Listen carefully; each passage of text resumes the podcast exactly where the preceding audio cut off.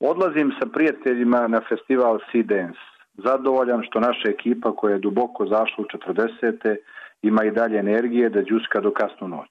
Susrećemo različite generacije od onih mlađih kojima prijaju buntovnički tekstovi i reperske rime do onih koji se nježno ljuljuškaju na dobro poznate bajagine akorde. Srećan sam jer smo barem na tih par dana festivala dio svijeta, a ne dio zadruge ili farbe. Kancer folk primitivizma se širi takvom brzinom da mu se teško suprostaviti. Ono što me više zabrinjava jeste činjenica da se taj duh vašara prenio na naše trgovi šetališta sve u cilju udovoljiti širokim narodima. Tako smo ovo ljeto na prelijepom barskom šetalištu mogli slušati hitove se splavova u izvođenju Aca Pejovića Adila, koji naprosto narušavaju ambijent u kojem sviraju. Odgovorni u turističkim organizacijama moraju biti svjesni svoje obaveze da čuvaju dostojanstvo grada u kojem žive, kao i da rade na promociji kulturnih vrijednosti.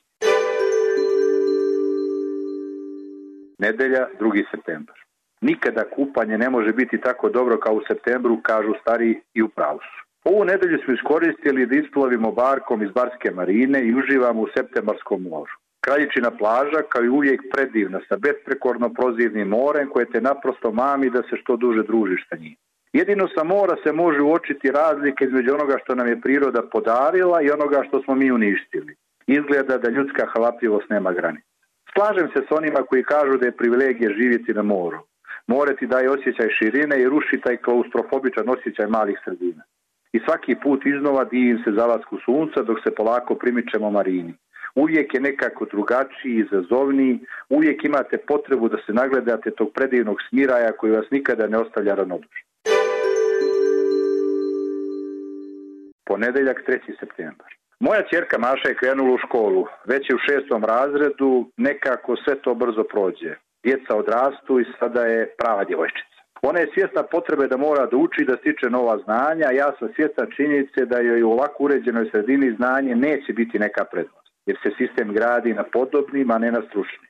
Ne želim da moje dijete bude u toj grupi podobnih, u toj masi glasača koja će svoju lojalnost vladajućoj partiti naplatiti državnim poslom. Nema više ideje ideologije koja će vas voditi ka nekoj od partija. Ostaje samo gol interes i tržišna ponuda ko daje više. U takvom sistemu potpuno je normalno što ministri zapošljavaju rođake bez dane iskustva na upravljačke funkcije, jer se podrazumijeva da će kroz iskustvo možda steći znanje, a to nas je mnogo koštaro. Jer su nas mladi, lijepi i neiskusni uveli u ratove, sankcije i vratili privredu godinama unazad. Nažalost, ovo nije slučaj samo u Crnoj Gori, partitokratija je prisutna u cijeloj, cijeloj regiji i sve dok je tako nećemo moći ići naprijed. Pametni i stručni se polače pred hordom ambicioznih partijskih vojnika, odlazi u inostranstvo, u banke, privatne kompanije, a država ostaje u rukama nepismenih kupaca diploma. Možete me doživjeti jugonostalgičarom, ali mi se čini da ste u vrijeme te države ipak trebali biti neko da bi postali nešto. Najbolji dokaz ove moje tvrdnje su činjenice da u ovoj i narednoj godini prijete da padnu garancije koje je država izdala državnim kompanijama poput Crnogorske plovidbe, Montenegro Airlinesa, Barske plovidbe, željezničkog prevoza i željezničke infrastrukture. A da je ukupan javni dug Crne Gore premašio 3 milijarde eura. Utorak, 4. septembar. Naša kompanija učestvuje u društveno odgovornom projektu u kojem se renoviraju dijelovi bolnice i domova zdravlja. Ponosan sam na to. Snaga jedne države se ogleda u tome kako vam izgledaju bolnici i škole, a izgled naših bolnici i škola je tužan. Snaga država se ogleda u tome da gradite najbolje kadrove kojima ćete omogućiti primanja shodno težini i odgovornosti njihovog ljekarskog posla. Naši najbolji doktori odlaze i to mora sve da nas zabrine. U njihovim rukama su naši životi, a život nema cijenu. Mora se vratiti dostojanstvo našim ljekarima i medicinskom osoblju jer nas uskoro neće imati ko liječiti. Pala je i prva septembarska kiša i kao sudija sa pištaljkom odsvirala je kraj ljeta. Bar se vraća u svoj jesenji ritam, sumiraju se rezultati sezone. Oni kojima je stvarno bilo loše su glasni i krive sve oko sebe, a oni kojima je bilo dobro ćute i slažu se sa njima da ne remete ustaljenu kuću. Grad Bar je nekada bio proglašavan kao najčistiji grad i bilo je tako. Ovoga ljeta otpad je bio svuda oko nas i ružio je sliku našega grada. Mi se deklarišemo kao ekološka država, a tako smo daleko od toga. Srijeda, 5. septembar. Ostajem budan do kasnu u noć gledajući teniski turnir US Open. Smatram da je tenis možda i najteži sport jer ste satima suočeni sami sa sobom kao i sa protivnikom. Pa ne znaš ko ti je veći takvac, da li je rival ili glava. I baš u glavi leži razlika između velikih šampiona i vrhunskih igrača. Ta smirenost odlučujućim trenucima je ono što krasi mali broj šampiona, a Novak, Nadal i Federer to jesu. Oni su šampioni koje će biti teško dostići, ali i veliki ljudi koji nemaju sujete da hvale jedan drugoga, oni su primjer kako se gradi poštovanje između ljutih protivnika. Volio bih da se lideri u regiji barem nekad ugledaju na njih kada daju zapalje izjave koje imaju strahovite posljedice po narod. Više međusobnog poštovanja je neophodna antistres terapija za ovaj preplašeni narod.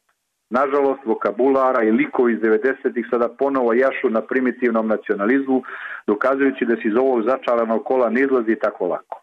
Dodjeljuje se nagrada za oslobođenje Nikšića. Nažalost, ne mogu da glasam, ali mogu da dam ovaj javni apel da se nagrada uruči heroinama našega doba, Tatjani Vukićević i Konstantini Maraš, koje su donirale bubreg ljudima sa kojima nemaju nikakve rodbinske veze. Dok pišem ove redove, naježi se od takve plemenitosti jer se to danas rijetko sreće.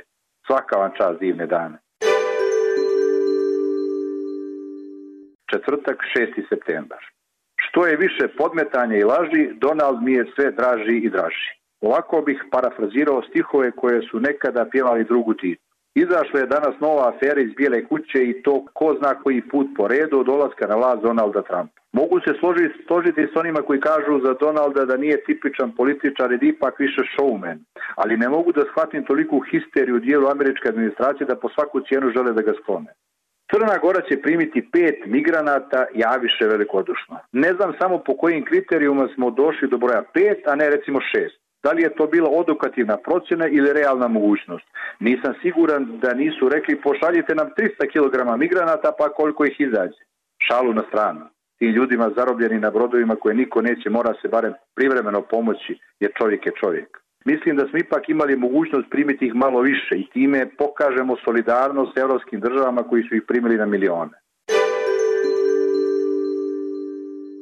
Petak, 7. septembar. Krećem za Makarsku. Tamo nas čekaju Ante i Svjetlana, prijatelji kojima se ne moramo pravdati za Dubrovnik i koji se meni ne moraju pravdati za grijehe njihove države. Pićemo dobroga vina, jesti kvalitetne ribe i gledati djecu kako se lijepo igraju.